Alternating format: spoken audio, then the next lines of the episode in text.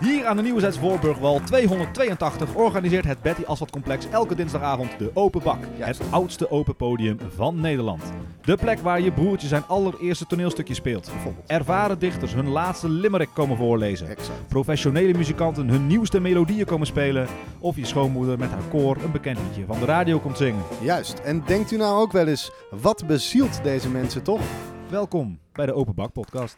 Daar zijn we weer. Daar zijn we. Meeuw, wat ehm, tweede aflevering. Yes, we Ik zijn ben, er weer. ik ben excited. Ja, ik ben heel blij met de plopkappen. We hebben plopkappen. We hebben, we hebben van Paul Hane hebben we 3,5 euro gekregen om plopkappen te kopen. Ja, we hebben geluisterd. Eh, we hebben geluisterd. We, ja, we gaan elke, elke week gaan we gewoon een, eh, een stapje vooruit Ja. met deze podcast. We hebben nu ook een extra ehm, eh, standaard.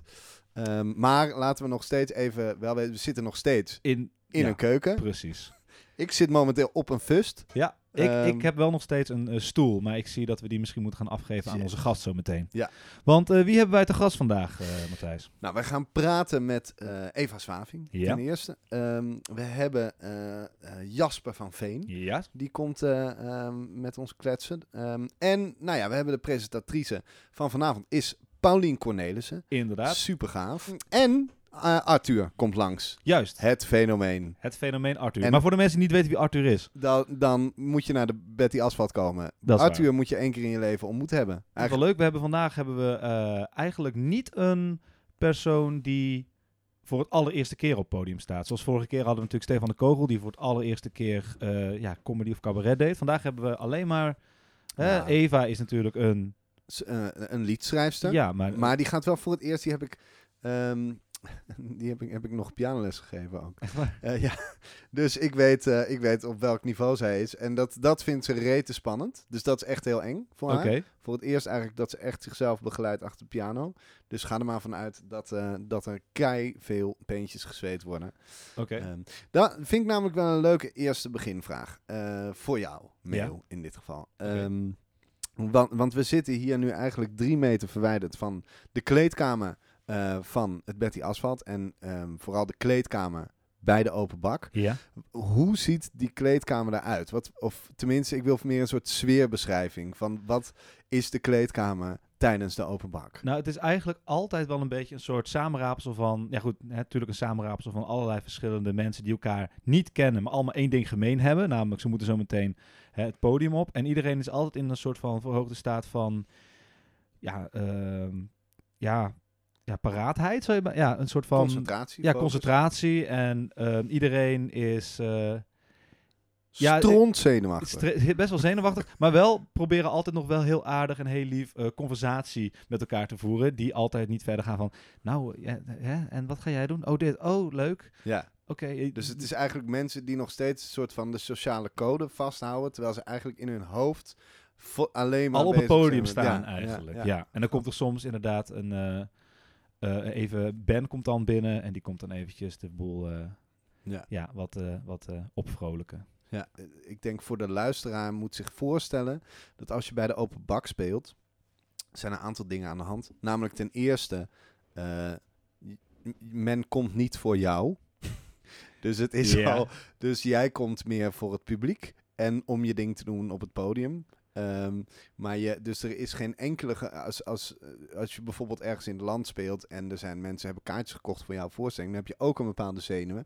Maar dan is het heel erg. Eh, is er al een soort afspraak van jullie komen voor mij en ik ga jullie een leuke avond bezorgen. Ja, nou, en zelfs al, al komen ze niet specifiek voor jou. Mensen komen vaak wel voor een muziekavond of voor een comedyavond of voor een dichtersavond of hoe Ja. dan ook. En dat is hier natuurlijk niet. Hier komt, eh, ja, komen ze gewoon voor... Misschien een klein beetje voor de presentator of presentatrice als, het, Ja. als die bekend is. Misschien een klein beetje. Maar voor de rest eh, is het gewoon, eh, ja, gewoon eh, kijken wat er gebeurt. Daarbij is het natuurlijk ook zo dat, ehm, ja, dat je dus als, als je voor het eerst podium opgaat en je denkt, oh, ik heb, ik heb vijf grapjes geschreven en ik, en ik wil een liedje doen op gitaar, wat ik nog niet helemaal precies weet, maar en dan speel je dus ook nog eens, dan kan het dus allemaal zijn dat, eh, eh, weet ik veel, dat een Peter Pannenkoek eh, voor, voor je speelt. Of dat, en het feit dat je aangekondigd wordt door Paulien Cornelissen of zo, of Paul Hane, is ook gewoon meteen, ehm, ja, je voelt gewoon wel de hele tijd dat je met heel veel kwaliteit het podium deelt. En Ja. dat vond ik dus vroeger altijd best wel heftig ook. Ja, ik ook. Ik had dat volgens mij eh, een half jaar geleden. Toen speelde ik hier een keer. En toen was de presentator was toen Kees Prins. Ja. Ja. Ja. Toen was je starstruck. Nou, niet, maar het, was, het was gewoon wel even een dingetje. En Nee. toen was het ook nog eens een keer volgens mij. Hij, zei, hij, hij, hij kondigde me zo aan. Eh, de volgende, dat is Meer Rovers. Die gaat eh, ja, ook wat doen. En hij schrok er ook zelf een beetje van. Mensen moesten ook lachen. Hij, of tenminste, iets doen. Hij gaat ook. En hij kwam er ook niet meer zo uit. Het was, nou, eh, hier is hij dan. Het was echt Ja. zo'n. eh, het ging wel heel goed toen. Nou, Goed lekker. mee. Ondertussen is de eh, avond begonnen. Ja, we moeten eigenlijk wel even kijken of, eh, of Eva niet al aan het spelen is. Ehm, ja, want dat, daar gaan we als eerste mee praten met Eva Zwaving. Lees er meestal zomaar overheen. Ik doe haast alles anders dan hij ooit heeft voorgedaan.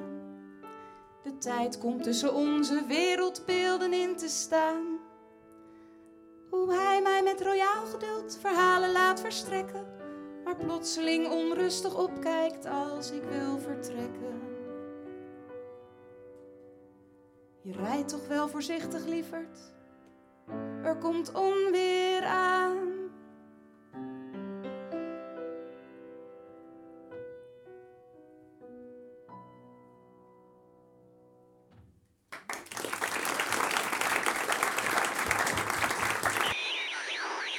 Eva, jij komt net eh, het podium afgerend. Ja.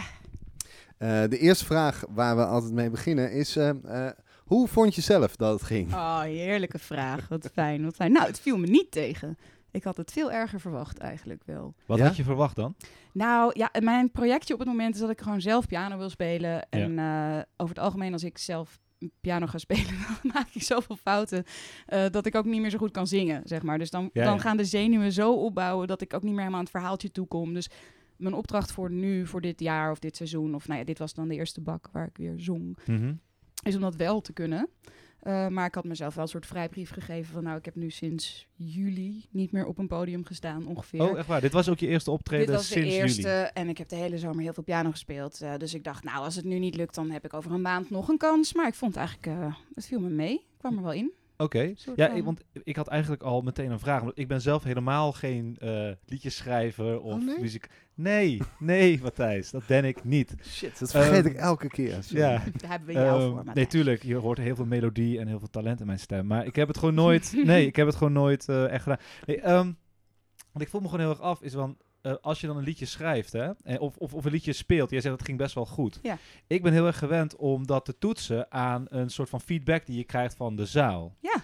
En ik voel me dan eigenlijk af, hoe weet je als je hebt gespeeld? Hm. Ja, dat is misschien een beetje een domme vraag, maar Helemaal niet. Ehm, hoe weet je dat, natuurlijk, naast dat je niet vals zingt en in het ritme, hè, Ja. alles. Maar eh, hoe weet je dat je ja, lekker bezig bent, dat je een goed nummer hebt gebracht? Nou ja, ik, ik weet inderdaad, ik heb nu één grappig liedje gedaan. En dan heb ik wel, ik heb lang met comedians gewerkt en heel veel comedy gezien. En dan, dan merk ik wel dat het me voedt, dat er gelachen wordt. Dus dan Ja. wordt het ook groter, weet je wel. Dus dan, ga ik ook, dan maak ik het grappiger. Dus dat helpt heel erg bij dat soort nummers. En dat lukt ook echt niet altijd. Dus dat is voor mij ook een nieuw ding om daarmee te kunnen spelen. Ja. En dat kan ook makkelijker als je zelf begeleidt. Dus dat is ook een van de redenen om het zelf te doen. En bij de niet grappige nummers voel je... ehm, het ligt een beetje aan het nummer, maar ik heb nu een paar best wel dramatische nummers gespeeld. Dus Ja. het tweede en het laatste nummer zijn voor mij best wel, er zit best wel veel lading op. En op een gegeven moment ga je een soort hyperconcentratie bij het publiek voelen. Dat ze echt in je verhaal meegaan. En dat is gewoon op het moment dat ik echt het verhaal vertel. Ja. En niet bezig ben met mooi zingen of mooi spelen. Maar dat ik echt denk van, ja, ik vind dit belangrijk. Of ik voel dit echt op dat moment. En dan ga je voelen dat het publiek meegaat met je. En ik weet niet precies hoe je dat voelt. Maar kijk af en toe de zaal in en dan zie je Ja. mensen een beetje vooroverleunen. Of je hoort ze heel stil zijn ineens. Dus Ja. je geen kuchje meer hoort, geen gekraak meer. En dan voel je een soort hyperfocus Ja. bij het publiek. En dan is het echt wel een mooie bevestiging. En applaus natuurlijk ook. ja, nee, goed, maar het applaus, dat, dat doen ze sowieso vaak wel. Ja, maar dat Tenminste, ik scheelt zou die wel, angst hoor. heel erg hebben van, ja, ze applaudisseren wel. En stilte kan zeker betekenen, oh, we zijn heel erg aan het luisteren. Maar het kan ook zijn dat mensen zo zitten van, Nee, maar, nee, het maar is, dat ga je horen. Dan hoor je Ja? mensen Volgens, ja. mompelen, en zuchten en kuchen en even hun Ja. tas pakken en even hun Ah, ja. jas. Dan wordt het echt rommelig, wordt het dan hoor. Dus eigenlijk is wat, dat herken ik heel erg hoor, wat jij zegt Eva. Dat op een gegeven moment, eh, als je dus een heel eh, een, een zwaar nummer hebt, of als je juist, eh, ehm, als je juist heel erg wil raken, eh, dan denk ik dat je in plaats van wat comedians hebben met de lach, dat je zoekt naar de ademloze stilte. Ja. En dat is heel gaaf. Als je, ik denk dat op het moment dat je, als je een nummer aan het spelen bent en je hoort opeens echt dat iedereen muisstil is, dan weet je dat de concentratie en de focus perfect is. En eh, dat is echt, dat is tof als je dat bereikt. En, ik, en de grap is dat het laatste lied wat je speelde, daar gebeurde dat. Ja. Heb je wel eens gehad dat je dacht, ik ben echt lekker bezig? En dat dat gewoon niet bleek? Want daar zou ik gewoon echt bang voor zijn. Dat ik Ja. denk, oh, dat was een lekker akkoordje. Oh, dat heb ik lekker. Ja, ik heb dat wel. Dat was een ik lekker denk wel dat je akkoordje. dat voelt. Nou, omdat, nee, omdat ik dat heb, nee, omdat ik dat wel heb als ik bijvoorbeeld luister naar iemand Ja. die zingt, dat hij dan zo eh, ja, precies om bluesy akkoordje. ergens iets neer. Ik denk, oeh, Ja. dat was een mooi. eh. Ja, lekker momentje. Lekker momentje. momentje, ja. Eh, ik zou heel snel op mezelf ja. gaan zitten geilen achter de piano. Dat Oh, ja. denk ik. Nee, maar nee, je bent echt heel... Je bent zo bezig met het goed Zeker. brengen. Dat Ja. dat... Tuurlijk, het is lekker als het lukt, maar dat is meestal wel omdat het lukt. Ik heb... Maar ik ben ook extreem onzeker. Dus ik zit mezelf al kapot te erger aan wat ik zit te doen de helft Ja, van de tijd. Dus als ik dat alleen al kan loslaten, dan ben ik iets goeds aan het doen. Dat Ja. werkt al. Maar zelfs tijdens het ergeren kan het zijn dat iemand na afloop naar me toe komt en zegt dat een prachtig nummer of wat een mooi verhaal. Of je hebt me heel erg ontroerd. Dan denk ja, ik ben dan misschien veel strenger voor mezelf dan het publiek voor mij is. Maar andersom heb ik geloof ik nog niet meegemaakt. Dat het publiek minder enthousiast is. En je schrijft ik. je eigen nummers zelf. Je eigen nummers zelf. Ik Ja. schrijf mijn eigen nummers zelf. Ja. Want eh, ik heb uit een betrouwbare bron eh, vernomen dat je ehm, nu jezelf begeleid hebt op piano, maar dat je dat dus nog niet zo heel lang doet. Klopt. En dat je. eh, een en, bronnen heb heb, je, heb je les ook? Ik heb ontzettend begenadigde pianoleraar. Hij wordt wel het fenomeen genoemd ook in, eh in eh besloten Ehm, kring. Nee, maar wa- wa- wat wel interessant is, wat heb jij gedaan nu, eh, toen je het podium opging, om te zorgen dat je, ehm, dat je de rust vindt en dat je dus niet de hele tijd bang bent dat je een verkeerde noot aanslaat? Nou, dat is eigenlijk punt één. Niet bang zijn dat je een verkeerde noot aanslaat. Wat ook mijn pianoleraar wel eens tegen me zegt. Nee, Klinkt als een hele wijze man. Ja, je- heel wijs. Nee, maar je moet, je moet dat loslaten. Zeg maar, ik weet op een gegeven moment, ik heb nu gewoon echt veel gespeeld. En vanmiddag nog alles zonder zingen, nog een keer. Op een gegeven moment weet je, ik ken de akkoorden. Maar je weet ook, ik zit anders achter mijn piano thuis. Eh, mijn houding is anders. Ik, ik speel wel met de microfoon om gewoon een beetje te wennen. Want dat blokkeert je uitzicht namelijk op de toetsen. Dus die zet ik er dan bij op een gegeven moment thuis, Mhm. zodat ik daar niet meer van schrik. Want dat was echt de eerste keer dat ik op een podium piano ging spelen. dacht ja fuck, ik zie die hele piano niet meer door die stomme microfoon. Ja. Dus dat voelt heel nerdig. Dan zit ik thuis met een microfoon te spelen. Maar dat is gewoon... aangesloten microfoon. Nee, dat staat helemaal nergens Ja. op. Ehm, maar het werkt wel heel goed. Dus daar zit heel veel voorbereiding in. En dan hier, ik weet gewoon inmiddels dat ik moet ontspannen voor ik opga. Dus ik moet gewoon tien minuten voordat ik opga, stop ik met, met mensen praten. Eh, wil ik backstage zijn? Ja. Wil ik dat het donker is? Als iemand tegen me zegt toi toi, dan knik ik vriendelijk. Maar ik ga niet meer een gesprek aan. Nee. En ik ga alleen maar denken, ik, het enige wat ik wil is dat wat ik zo zing, dat ik dat kan vertellen aan mensen. En dan hangt het een beetje van het liedje af. En ik begon nu met een heel klein liedje. En dan hoef ik niet te zingen, dan hoef ik maar heel weinig te spelen. En gewoon vertel het zo ontspannen mogelijk. En dan komt de rest daar wel achteraan. Dus daar gingen de nootjes ook nog heel rommelig en heel veel foutjes. Maar elke keer weer denk ik, oké, terug naar het verhaal, terug naar het verhaal, terug Ja. naar ontspanning. En dan, eh, ja, op een gegeven moment krijg je wel een focus waar je dan niet meer de hele tijd zo eh, kritisch naar jezelf zit te kijken als een helikoptertje. Laten we heel veel naar een stukje luisteren. Als je tegen de ochtend terugkomt bij je tent, ligt daar op jouw luchtbed een best wel blote vent. Als je daar nu naast gaat liggen, zal hij vast iets van je willen. Ach, waarom ook niet? Tegen SOA's heb je immers pillen en hij stinkt wel als een bunzing en hij snurkt ook als een beest, maar als je niet geneukt hebt, ben je eigenlijk niet geweest. Festival, wat een feest!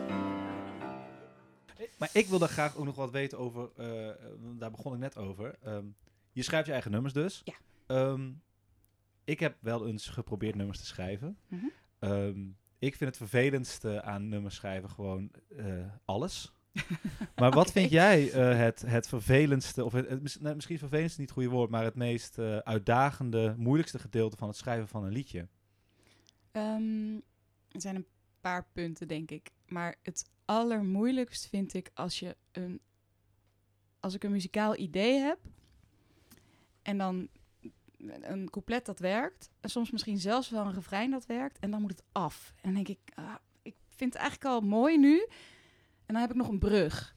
En dan elke brug die ik schrijf doet af aan zo'n nummer. Ja. Elke keer weer opnieuw van, ah, maar het is het nog steeds niet. En dan op een gegeven moment ben ik zo'n nummer zo ontzettend zat. Want dan heb ik zo'n leuk muzikaal ideetje. En dan alles wat ik nog bij maak, het lijkt alsof het dan minder maakt. Ja, ja, ik heb dit ook gehad met liedjes schrijven toen ik dat ook net probeerde. Maar gewoon met het idee en dan de, gewoon, Mm. oh, hier zou, dit is echt een goed idee Ja. voor een liedje. Dan had ik het geschreven en dan dacht ik, ik moet het laten idee doen door mensen beter, die ja. dit, eh, ja, of ik moet dit Ja. laten doen door mensen Ik die heb wel een liedjes goed kunnen idee schrijven. Helemaal aan God geholpen. Ja. Ja, wat een Nee, goed maar idee, dat is wel oprecht. oefening, hè? nee. Want, ik, want Zeker. ik denk mijn, mijn moment van frustratie heeft zich wel door dat proces heen verplaatst. Ja. Dus vroeger kon ik een goed idee hebben en dan al er heel erg tegenaan hik om iets te schrijven. Ik heb nu van mezelf wel het idee dat ik een tekst kan schrijven, dus dan schrijf ik die. En is de frustratie Mhm. daar vaak al wel snel uit. En dan zit het heel erg bij de muziek. Vind ik ook moeilijk. Daar heb ik mezelf ook heel lang niet goed genoeg in gevonden. Dat ik het liever aan iemand anders gaf. Heb nu ook besloten van, nou, ga je gewoon zelf doen. Dus daar is dan de frustratie ook een klein beetje uit. Ik kan nu al een Mhm. melodietje bedenken en achter de piano gaan zitten. En daar al voordat die frustratie intreedt tevreden over zijn. Maar er komt inderdaad zo'n moment dat je denkt... Ja, nu wil ik gewoon dat het af is. En dat is het dan nog niet. Ehm, Eva, Ja, eh, de laatste vraag, wat ik, soms is het de eerste vraag, maar ik laat hem wel elke keer altijd terugkomen. Ehm, en hij is heel lief bedoeld hoor. Mhm. Wat bezielt je om het podium op te gaan? Ja, hele goede vraag. Ik vraag het me altijd vooraf af. En dat hoor je waarschijnlijk heel vaak terug. En als ik het podium afkom, dan kan ik niet wachten om er weer terug op te gaan. Mijn manier van ehm, dingen overbrengen is met zingen. Ik doe echt niets liever dan dat. En ehm, ja, die magie van die mensen die naar je toe luisteren om jouw verhaaltje te horen en jouw muziek. En ook als het niet mijn tekst is, gewoon de magie van met muziek zoiets te kunnen overbrengen, dat is magisch, echt. Dat vind ik echt magisch. En daar krijg ik nooit genoeg van, blijkbaar. Ook al sta ik elke keer met trillende knieën in de coulissen me af te vragen wat me in godsnaam bezielt. Ja. Ja, ja dat. Cool. Hey Eva, leuk dat je er eh, was. Vond het zelf ook heel leuk. Ja. Dank jullie wel. Super gaaf. En nu kan je gewoon gaan nagenieten. Ja, ik moet zo nog een slotlied eh, zingen, dus ik moet een beetje. eh, Ah, jij me mag zo meteen nog terug het podium op. Ik mag nog terug. Dat vind ik dus leuk, hè? Dat is leuk, want dan heb ik al die zenuwen gehad. Ja. En dan mag ik straks nog een bonusliedje komen zingen. Dus het kan, Dat maar het kan ook dus allemaal nog misgaan. Gewoon. Nee. Oh. Nee, nee Matthijs, nee. Het ergste hebben we nu gehad. Het maar bedankt. gehad. Bedankt Maar voor deze was- poging om mij Nee. alsnog uit het lood te slaan. Nee, ik zou niet durven. Je was eh, fantastisch, Eva. ik Dankjewel, heb onwijs van je genoten. We gaan eruit met, eh, eh, ik vind eigenlijk een stukje Jolien. Moet ik je soms smeken dan, Jolien,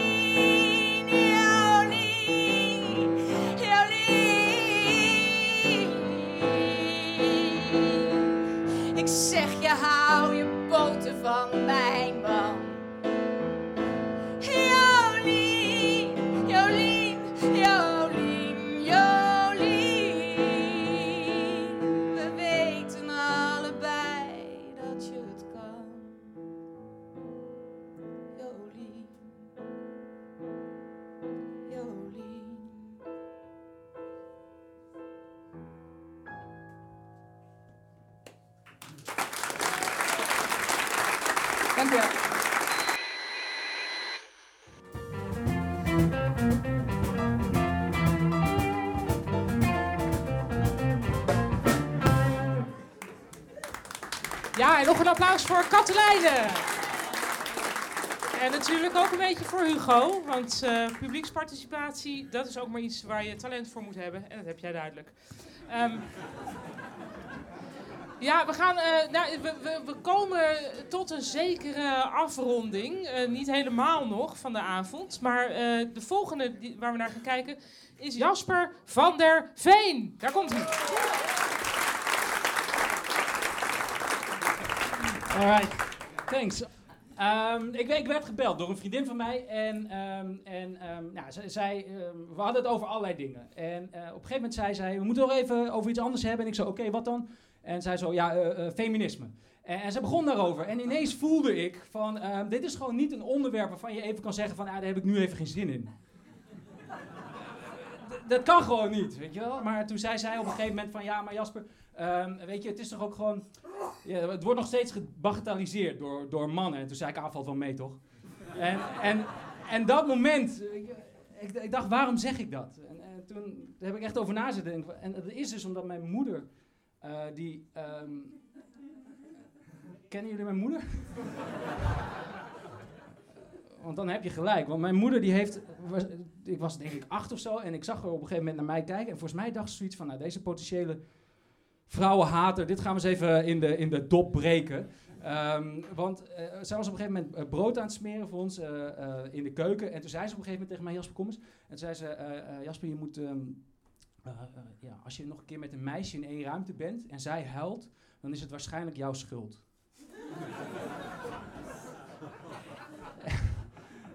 En toen zei ik, ja maar mam, wat als ik ook huil? En toen zei ze, dan weet je wat je gedaan hebt. Dus dat... hey Jasper, kom er even lekker bij zitten. Jij Ah, komt, leuk om eh, aan te schuiven bij de koningen van de podcast.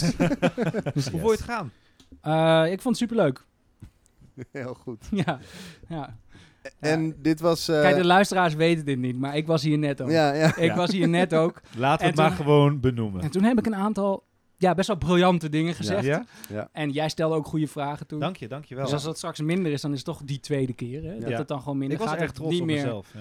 Eigenlijk toen was bleek- iedereen on fire, Ja, behalve...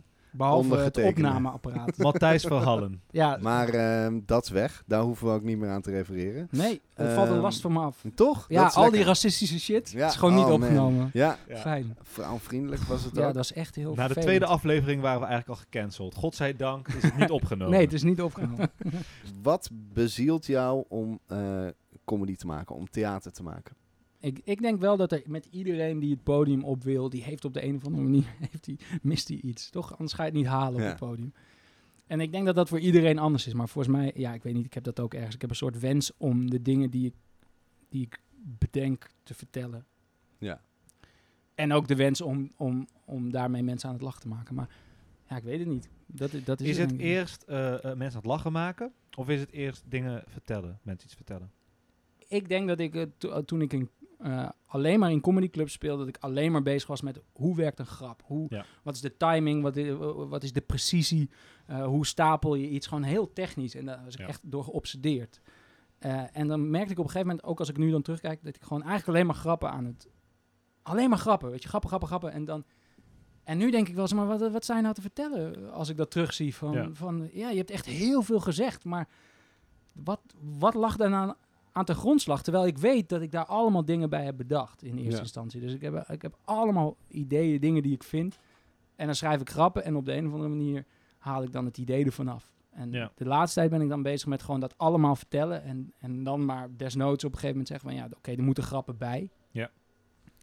Zal ik vanavond ook een En paar ga je dan ook echt implementeren? Ja. Dus dat je echt grappen gaat bedenken voor dat onderwerp? Of is het iets wat meer conversationeel al komt tijdens het spelen soms? Ja, soms komt het tijdens, tijdens Ja. het spelen ook gewoon als je... Ik vond het wel mooi, ik, speel, ik speelde laatst een dubbel met eh, Ronald Goedemond en die zei ook van... Als je in paniek bent, dan komt er altijd een zin. Nee, En dat, eh, en dat is wel zo. Als je toe durft te laten dat je het niet hebt, Ja. dan zit daar een spanning bij jou en bij het publiek. Dat eigenlijk alles wat je zegt, kun je daarna in één keer overpennen. Ja. Alleen als het echt is. Ja. Alleen als je echt de angst voelt. Als je, als, je, als je echt niks hebt daar. Als je toch stiekem iets hebt en je doet alsof je niks hebt en je zegt dat, ga je helemaal kapot. Ja, ja, Ja. precies. Een beetje zoals vanavond dat je even eh voelde... Beetje zoals vanavond. Ik ben, nou, nou, vooral het moment dat je enorm aan het eh, schreeuwen was eh, Ja. tegen het publiek. Die denken van ja, maar wij willen daar juist naartoe. nou, dan, dan ruil je toch? Ja, die, die mensen kunnen het hier waarschijnlijk wel waarderen. Dus dat is gewoon prima. Dan, eh, dan ruil je gewoon jouw huis voor een rubberboot. Eh, iedereen blij. Wauw, ik ben jullie echt zwaar, zwaar kwijt op dit moment. dus dit is, dat is wel mooi. Sommige grappen schrijven zichzelf en sommige grappen eh, schrappen zichzelf ook. Dat is wel, wel mooi om, om te merken. Iemand daar zo, oh. Ik vond het een heel goed punt, maar je maakt gewoon geen grappen. Oké, sorry. Ja, weet ik veel. Ik zat wel te denken, eh, ehm, eh, misschien was ik ook gewoon aan het schreeuwen tegen jullie. Was dat het? Ja, hè? ook zo unaniem. Jezus, nou, ik ga even chillen hoor. Ah, mooi. De, de eerste rij zat ook op een gegeven moment me zo aan te kijken. Dat ik dacht van, ja, dit gaat ook te hard. Wat ik wou zeggen eigenlijk was dat ik dat dus heel mooi vond. Dat je even uit, uit je verhaal stapt en benoemt wat er aan de hand is. Ehm, maar zonder dat het zo'n soort eh vacuüm ding wordt. Dat er alleen nog maar gelachen wordt om eh, als je uit je materiaal stapt. Wat vaak met comedy gebeurt. Weet Ja. je wel? Dat je op een gegeven moment een, ja. en dat heb ik vaak met, met comedians zien gebeuren. Dat, dat ze op een gegeven moment eh, een grap maken, die valt niet. Oh ja, nee. Ja, nee, die, die, die valt niet, die gaat eruit. En daar wordt dan wel om gelachen. En dat, maar hier was er eigenlijk was er een heel mooi, genuine moment. ehm, waarna je dus wel weer heel lekker doorging in je materiaal. Dus dat, dat, is wel, Ja, dat vond ik heel goed gedaan. ja, ik vind het ook altijd wel... Ja, er zijn ook mensen die dat nog veel beter doen, zeg maar. Maar als ik dat zie gebeuren, dan vind ik dat zelf ook altijd wel mooi. Omdat, omdat er zit een soort eerlijkheid in van... Je moet niet verliezen wat je wil zeggen. Ja. Ja. Als je dat verliest en dan, dan communiceer je eigenlijk aan het publiek... Ja, het zijn alleen maar grapjes. Als jullie niet lachen, dan is het niks. Terwijl, dat moet je... Ja, dat is, dat is zo vervelend om te zien eigenlijk. Ja. Als je... eh, met Netflix, als je een special ziet en, en iemand doet zo twee keer achter elkaar zo'n put-down van, van oh, oké, this is not for you. Dat je denkt, nou, het is, het is wel voor Ja. mij, maar Ik heb Ja. op je hoofd geklikt. ja, Dus, en, ja. eh, en, en eh, maar, maar, maar ga nou maar door, weet je Ja. wel. En, en ja, ik vind het altijd wel mooi als er een soort echt moment in, in zit, maar dat je daarna dan ook voldoende waarde hecht aan, aan de inhoud. Ja. Maar Jasper, Ja. ehm, wat, en eh, ja, ik heb nog een vraagje staan. En wat, wat zijn een beetje de grootste fouten die je eh, in het begin maakte? Ja, maar nee, ik denk dus dat de eerste keer... Jullie vertelden toch dat jullie vorige aflevering iemand in de, hier hadden zitten die het voor het eerst deed? Yes. Ja. Ja, ik denk volgens mij, dan heb je niks door. Je bent dus ook helemaal niet kritisch. Je doet alleen maar wat je kan. En als je doet wat je kan, dan is het bijna altijd te gek. Ja. En, eh, want het denkt publiek, wat de fuck is hier aan de hand? En, en alles is onnavolgbaar. Hm. Maar je hebt het zelf niet door, dus je hebt nul zelfkritiek. Dus je staat niet eh, het publiek voor te fluisteren van, eh, ja, dit, dit gaat goed, dit gaat slecht. Ja, ja. En dan gaat het keihard. En dan Ja, probeer je ja. die keer daarna. En dat was de grootste fout die Oké, ik heb dan gemaakt. pakken we die. Pakken we ja, die keer daarna. Ja, ja. Want, want ik kan me herinneren, want de allereerste keer dat ik ooit optrad met comedy was dan in eh Comedy Café of zo, denk ik. En toen was die, die keer daarna dat ik daar speelde, toen dacht ik, oh, maar je moet gewoon opgaan en, en, en dingen zeggen. Maar Ja. toen was ik gewoon dingen aan het zeggen, maar met bewustzijn. Ja, ja, ja. En toen hebben ze volgens mij alleen maar iemand gezien die gewoon dacht, oh nee, dit, dit is ook niet en dat ook niet. Dus dan ja. Daarvoor Ja, ja. voelde ik geen paniek. En die tweede keer dacht ik gewoon van, oh, maar dit is dus... Ik dacht misschien heel diep van binnen, oh, dit is heel makkelijk of zo. En toen de derde keer wist ik, ah, je moet heel, Ja, want heel hard werken om het, om het En, goed te en doen. als er een, dat is altijd het ding, als er om een grap gelachen is, dan is het opeens een grap. En dan is er dus, dan weet je opeens Ja. wat de waarde is van wat daarin zit. Eh, dat is ook altijd vreselijk. Als, je één keer, als er één keer heel hard gelachen is om een grap, dan vervolgens is dat de maatstaf. En dan moet je daarheen, volgens mij toch weer. Dan- Ja, tenminste, dat.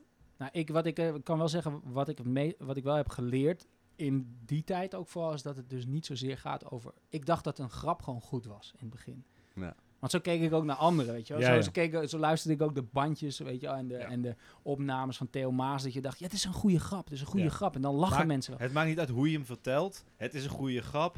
Ja. That's it. Ja. Terwijl, Terwijl nee. het gaat allemaal om de, om de omstandigheden en de situatie waarin je het plaatst. hoe je elke grap, alles, elke grap kan een totale kutgrap zijn. Hoe best- goed die ook is. Eh, en zo kunnen, kan je ook met bijna niks rocken.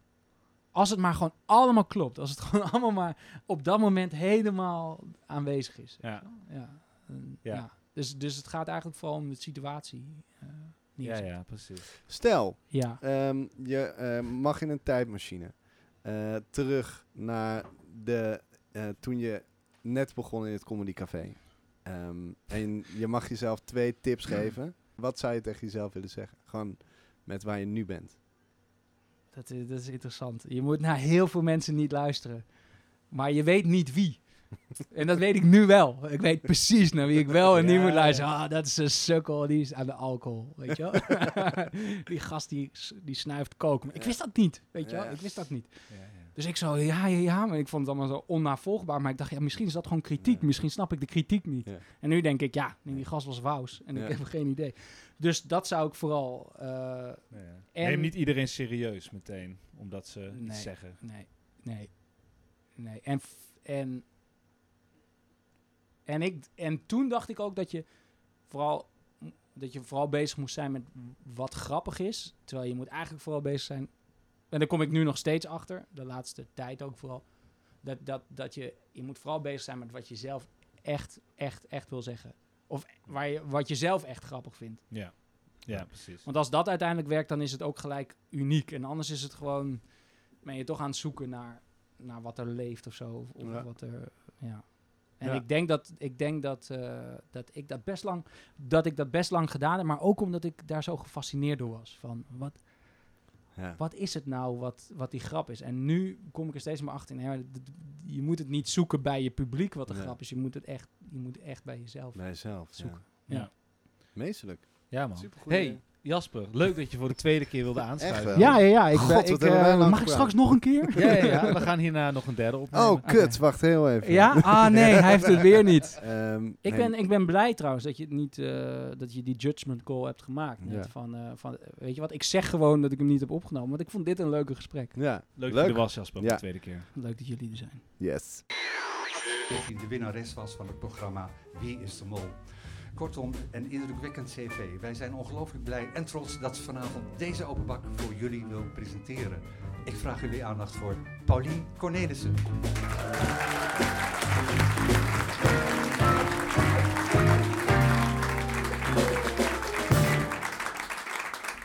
Eh, dankjewel, Ben Lansing voor deze eh, ja, glansrijke introductie. Wat heerlijk. Om zo, dat is toch fijn om een keer je cv een keertje op een rijtje te hebben. Zo wat, wat ben ik eigenlijk ja, fantastisch als ik het zo zelf hoor. Ehm, ja, ik sta helemaal van te kijken. Wat eh, Paulien, wat goed dat je er bent. fijn om hier te zijn. Hoe was de avond? Ja, ik vond, een heel, eh, ik vond het echt een open bakavond. Heel gevarieerd. Een paar ervaren mensen, een paar onervaren mensen. En, en een paar momenten waarvan je dacht, Hè, wat gebeurt er nou? En dat, Ja. dat moet het wel zijn. En dat was het ook. Ja, wat goed. Wat is jouw relatie met de openbak eigenlijk? Oh, nou, ik denk dat, ik, denk dat mijn eerste optredens hier waren. Oh ja, dan, waar? ik, denk, ik denk, maar dat weet ik niet helemaal zeker meer. Maar ik begon zo als studentencabaret persoon. Dus dan zijn je eerste optredens in, in mijn geval aan het Crea Theater in, eh, van de UvA is dat. Ja. Ehm, en dan op een gegeven moment ga je denken, oh, maar waar kan je dan nog meer optreden? En dat was dan echt de open bak. En toen was ik nog een cabaret duo. En we hebben het nu over eind vorige eeuw. Toen kwam ik hier. Dus dat is echt gewoon meer, ja, meer dan twintig jaar geleden ben ik hier eh, geweest. Ja. Eh, al voor het eerst. Ja, ja, en dat Ja. was dan niet hier, dat was dan bij de Nest nog. Inderdaad, in de Engelenbak. Ja, Ja. precies. Ja. En eh, wat wel leuk is, want we, praten dus ook heel veel met mensen die gewoon echt net voor het Ja. eerst het podium opgaan. Ehm, mogen we jou heel even mee terugnemen naar Ja. echt de allereerste keer dat je Ja, het podium opging? Waar was dat? Eh, Behalve zeg maar niet de basisschool, maar gewoon de eerste keer dat je cabaret probeerde ehm, of zo. ehm, ehm, ehm. Ja, ik denk dat dat dus bij Crea was. Dus dat ik studeerde. En dat ik toen, dat je dan zo'n soort voorspeelavond gaat doen. ja. Maar ik weet eerlijk gezegd echt niet meer wat ik toen deed. En of ik toen al dingen in een duo deed of juist dingen alleen. Eigenlijk heb ik heel lang. Ja, wat deed ik nou eigenlijk? ik heb geen. Ik weet niet, maar op een gegeven moment heb ik wel auditie gedaan voor comedy trainen. En daarvan weet ik wel nog wat het was. En dat was de eerste keer solo optreden op een wat meer ja, stand-up-achtige manier. Dus eh, daar weet ik wel nog van hoe dat was en Ja. wat ik deed. Want? Ehm, nou, ik weet dat ik... Ik had één stand-up avond gezien en toen dacht ik van... Nou, als dit het is, dan kan ik het ook wel. Wat best wel arrogant gedacht was. Maar eigenlijk met dat soort arrogantie kun je je eerste stand-up optreden nog best wel redden. Ja. En mijn materiaal was heel anders dan het andere materiaal op die avond. Eh, ik herinner me dat ik een stukje deed over hoe bloemen open gaan. En Mhm. eh, de- ja, nou dat eigenlijk. Ehm, en dat, dat week heel erg af. En ik had er dus een soort van bravoer bij. Van dit is nu eh, wat we hier gaan doen. Ja. Ehm, waardoor dat heel succesvol was. Ja. Eh, en toen later ontdekte ik, zoals iedereen die cabaret doet, denk ik, dat je ja, één keer grappig zijn is misschien niet, is, is, eh, kan ook moeilijk zijn, maar vooral het herhalen is heel moeilijk. Ja. Mhm. Ehm, ja, dat heb ik daarna dus ontdekt. Maar Dat, eigenlijk dus was het is ook van de. Dus het eerste keer eigenlijk ging het redelijk goed. Ja, en toen, keer? en toen weet ik nog wat ik de tweede keer dacht. Ja, en, dan, en wat dan... eh, wa- hoe, wat ga ik er dan nu aan toevoegen? Of hoe ga ik het met hetzelfde soort enthousiasme brengen? Natuurlijk ook weer een ander publiek. En zo al die dingen die. Dat is gewoon het kutte aan elke podiumkunst. Je kan natuurlijk niet... Kijk, Vincent van Gogh, die kon lekker gaan schilderen. Nou, lekker. Die had heel Ja, hij had het kut heel leven. makkelijk. Ja, dat was Jezus. Die lag eh, altijd zo lekker, lekker te schilderen. oor. Ja. Ik bedoel meer, zeg, heel veel kunstvormen kun je in principe, als je scheid hebt aan erkenning, in Ja. je eentje doen. Ja. Cabaret kan niet in je eentje. Ja. Want je hebt er echt een, het is, het is echt een soort gezamenlijke activiteit. Ja. Daarom heb je dus publiek nodig. En, en je wordt ook, dat vind ik af en toe ook wel interessant, is dat je wordt niet, zoals je een- als Van Gogh een schilderij maakt, Hm. dan kunnen mensen iets van het schilderij vinden. Dat staat Ja. heel duidelijk buiten zichzelf. Het, Ja. zegt heel veel over hem, maar het is Ja. wel iets buiten jezelf. Ja. Terwijl als je op het podium staat en jij doet iets, is in principe ook iets wat je hebt bedacht of gemaakt. Ja. Maar omdat jij ook het, Je bent het Jij bent- ook. ja, je, bent ook, je bent ook het doek in principe. Dus als mensen het dan niet leuk vinden, dan, Voelt dat heel erg. dan voelt dat ja. veel heeft persoonlijker. echt best wel lang gekost om inderdaad dat los te kunnen zien. En, Ja. en nu zie ik het heel erg los Ja. van elkaar, van wat ik, wat ik doe. En eh, het, is, het is natuurlijk heel erg deel van mij, maar een voorstelling zie ik als een soort aparte entiteit die ik breng. Precies. Eh, maar het is niet meer van, oh, als jullie nu niet lachen, dan ben ik dus niet leuk. Dan ben jij als Pauline Ja, nee, Cornelissen dus zelf niet leuk. Dat, eh, Ja. Nee, dat is niet meer. Maar dat kost echt lang, vind Ja. ik, om, om te ontdekken. Tenminste, mij heeft het lang gekost. Ja. En heeft jou, want je hebt dus dan wel, dus zeker dan in het begin, momenten gehad dat het dan even wat minder ging. Zeker, ja. En wat heeft jou dan bezield om dan toch door te gaan? Ja, dit is een heel gek iets. Ik weet dat niet precies. Ik weet alleen dat ik op een gegeven moment helemaal was vastgelopen in, in eh, wat ik nou moest doen. En ik vond het allemaal super kut. En, en toen was er toch, dat was weer een ander try-out podium.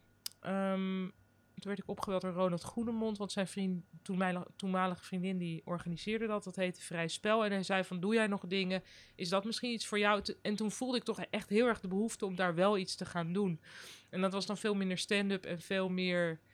Ja, er zat beweging bij. En, en ik was toen eigenlijk door zo'n diepe dal gegaan... dat ik inmiddels dacht... het maakt niet uit of het grappig is of niet. en dat is zo'n cliché natuurlijk. Maar het gaat natuurlijk pas goed als, het je, niet, als, je, als je jezelf niet afhankelijk maakt van de zaal. Ja. Ehm, want anders, dat voelen mensen natuurlijk wel. Als, als ze iets moeten geven, dat is een ongemakkelijke sfeer. Terwijl dat is wel zo. Nou, dat is dus niet zo eigenlijk. Nee? Nee, ik vind niet dat, het, dat de zaal mij iets moet geven. Nee. Ik kom iets brengen. Ja, Ja, ik kom eigenlijk echt iets brengen, volgens mij. En, en, eh, en dat is... En natuurlijk wat ik daar zelf uit krijg, is dat ik dat heel leuk vind om te doen. En stel dat het nu ineens eh, het maandenlang niemand meer zou lachen, zou dat natuurlijk alsnog deprimerend zijn. Maar vroeger voelde ik me zo goed als mijn laatste optreden. Ja. Ja, Ja, ja. dat is niet meer zo. Nee, dat is ook... We hadden toen, eh, toen we het, eh, de vragen doorspraken, Mm. ehm, had ik een beetje een soort ehm eh, telekids vraag. Maar ik wil hem toch heel graag stellen. Blauw. Ehm, ja.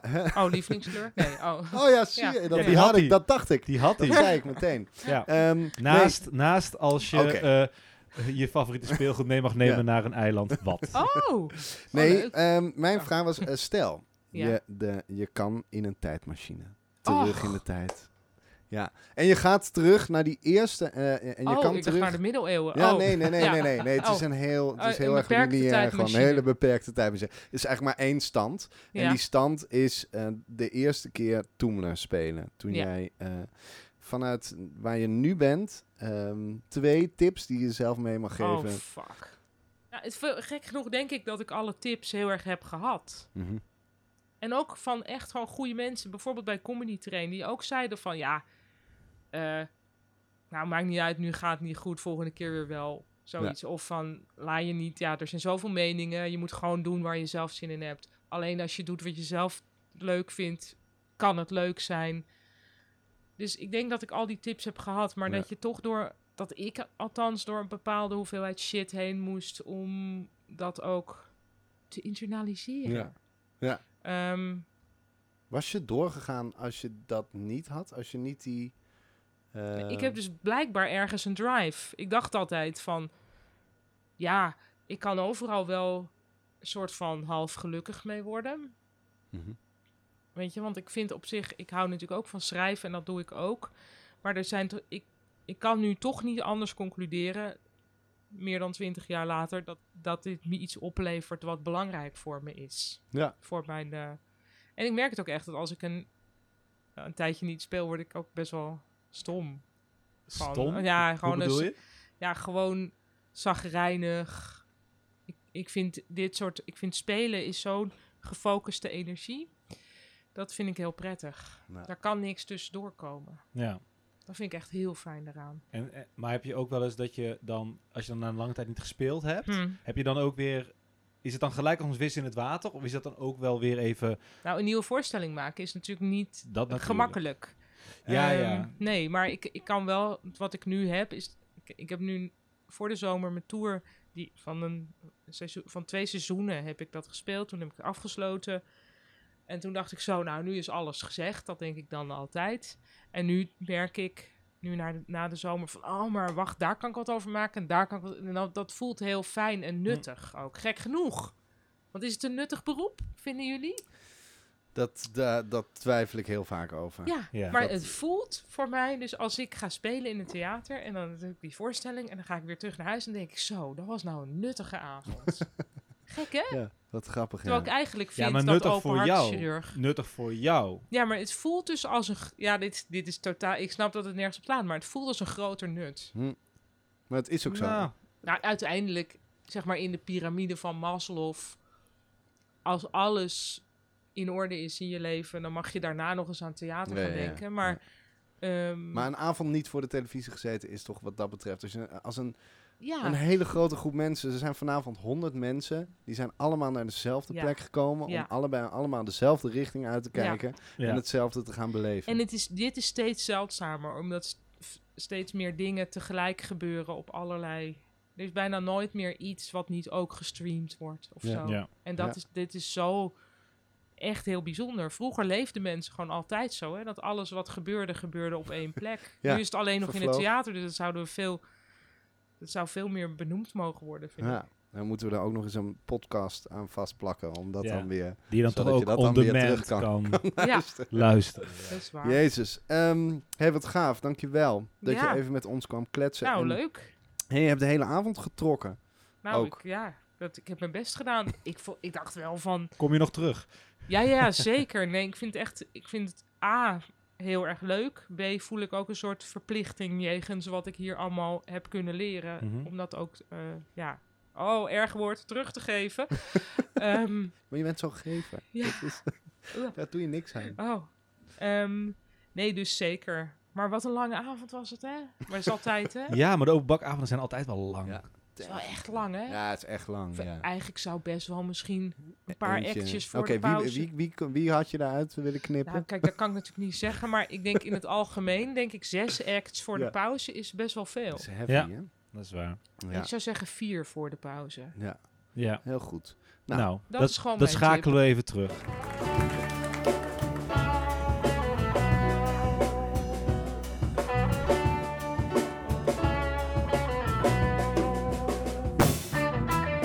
Ja, Jezus. Jongens, eh, we zitten hier eh, op dit moment met een, eh, nou ja, bijna een soort, soort boegbeeld van de open bak ehm, aan tafel.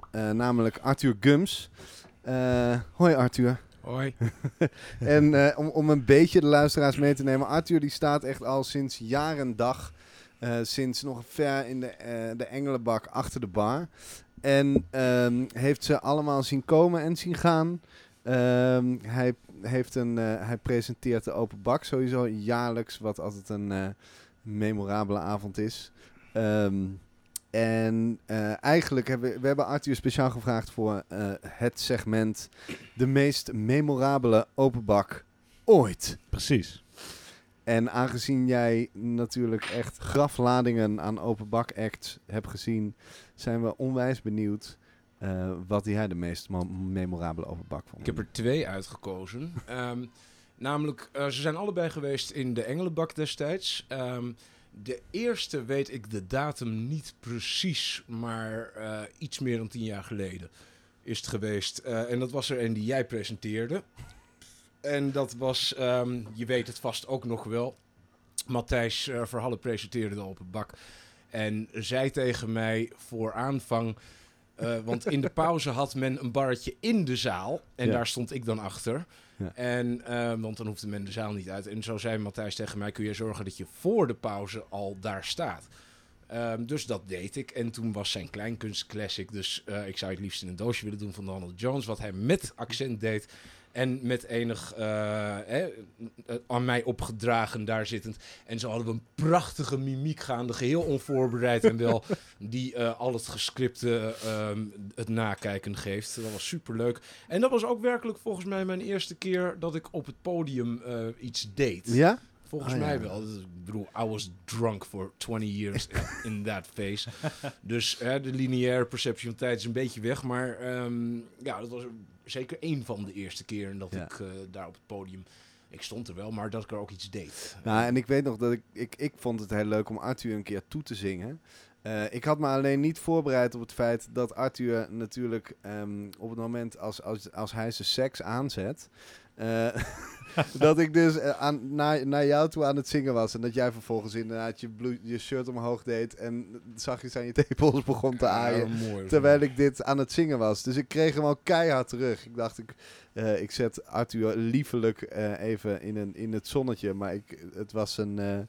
eh, ik kon op een gegeven moment, ehm, nou ja, eh, geen straight face meer houden. Vond je het Wat- geil of niet? Het, ik werd, ja, dat was het lastige. Ik moest met mijn benen over elkaar gaan zitten. Ja, nee, zo. Heb je het dan heb je het goed gedaan. Maar voor de luisteraars is ook goed. eh, het is op YouTube gewoon te zien. Oh. Dus ik zou gewoon naar YouTube gaan. En dan, ik zou je het liefst in een doosje willen doen, open bak. En dan kom je gewoon meteen bij deze scène. Dus ik Linkje zeggen- in de beschrijving. Ja, linkje in de beschrijving. Linkje in de Bam. beschrijving. Hop, die hebben we staan. En de andere, die is, eh, ja, dat is toevallig namelijk precies tien jaar geleden deze. Het is, het is echt de open bak van, eh, van 13 oktober is het geweest, ja. ehm, 2009.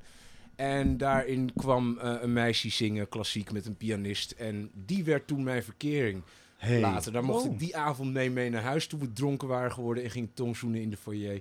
Want Nice. toen deden we het nog zo. U weet het nog wel. En ehm, nou, da- daar heb ik twee jaar verkering, inclusief nasleep mee gehad. En daar ben ik, eh, nou, ik denk een, een maand geleden een, een beetje overheen geraakt. Is dat inclusief nasleep? het De ging na- steeds uit en dan weer aan. Zij Ja, maakte oké. het steeds Ja, uit. en jij zei gewoon nee. I was just about to weasel my way back in there. En toen had ze een nieuwe. En veel te jonge. En waar ze heel blij mee was. Ze belde ze me ook gewoon om dat te zeggen. En daar eh, Ai, ai, is ze ai. nu nog steeds mee. Dus die Ja, is echt wel ja, van de baan. Maar voordat ik dat werkelijk kon verkroppen was eh, nou een jaar of acht. Dat is zeer recentelijk dat ik denk van nou ja, zwart, het is niet anders. Maar ja. ehm, Wat, ja, wat heel mooi. Eigenlijk een over... van de mooiste en meest tekenende ervaringen in mijn leven dat ik ooit eens iets wat met haar te maken heb gehad. Ik heb van haar eh, mijn psychiater eh, toebedeeld gekregen en dat, is, dat was meteen de goeie. Ja. Dat zie je niet vaak. En zo- ze was zo ook gelijk de reden dat je erheen moest. Nee, nee, nee. Dat, eh, zij was een van de eerste die zei van... Je bent niet goed bij dikke k***. Kom, gewoon misschien moet je met een professional gaan lullen. Want al die anderen zijn zo beleefd. Hè? Dus eh, nee, wat dat aanging... eh goeie zaak, goeie zaak. Ja, we moeten even onze pa- parental advisory even aanpassen in deze Ja. Door Arthur. Dat Hey, is heel Amsterdam. Ik kan alleen maar zeggen, ehm, alles aan Arthur, het feit dat hij zo nu en dan dus uh, flarde Engels er tussendoor gooit, dat hij eh hyper eloquent is ehm, en tegelijkertijd grof gebekt. Ik kan alleen maar zeggen, eh, dames en heren, kom naar de open bak ehm, en ga deze man ontmoeten, want hij staat namelijk gewoon altijd achter de bar. En Vraag is wanneer ik hem presenteer. dat, dat wou... Dat, dat, dat, dat ging ik Nou, net doen. Je bent me net voor. Dat Wanneer presenteer jij? Wat leuk dat je De het avond. 3 december. Dat is op een dinsdag. Kun je dat Ja. nog eventjes duidelijk nog een keer zeggen? 3 december 2019, onder enig voorbehoud, maar ga er gemakshalve gewoon vanuit. Zo niet, dan wordt het ook leuk, me dunkt. Ehm, presenteer ik er de open bak. Dat betekent dat de bar plotseling van mindere kwaliteit is. De presentatie in feite ook, maar de line-up, oeh. Ja, Ja. Ja. Want, die, want die bepaal jij dan ook die avond. Onder ons gezegd en gezwegen zonder meer. Mm, heel goed. Nice. Nou, dit gaat allemaal de lucht in, dus eh, onder ons gezegd en gezwegen, behalve voor de mensen die aan het luisteren zijn. Dankjewel, Arthur. Hebben jullie je... luisteraars? Wij hebben luisteren, tenminste. Jij luistert. Ik luister het. Ik weet niet hoe het moet, maar als je een keertje bij me thuis komt, kun je ze aanzetten en dan heb ik het wel. Zeker. Arthur, dankjewel. Right on. Helemaal goed. Cool.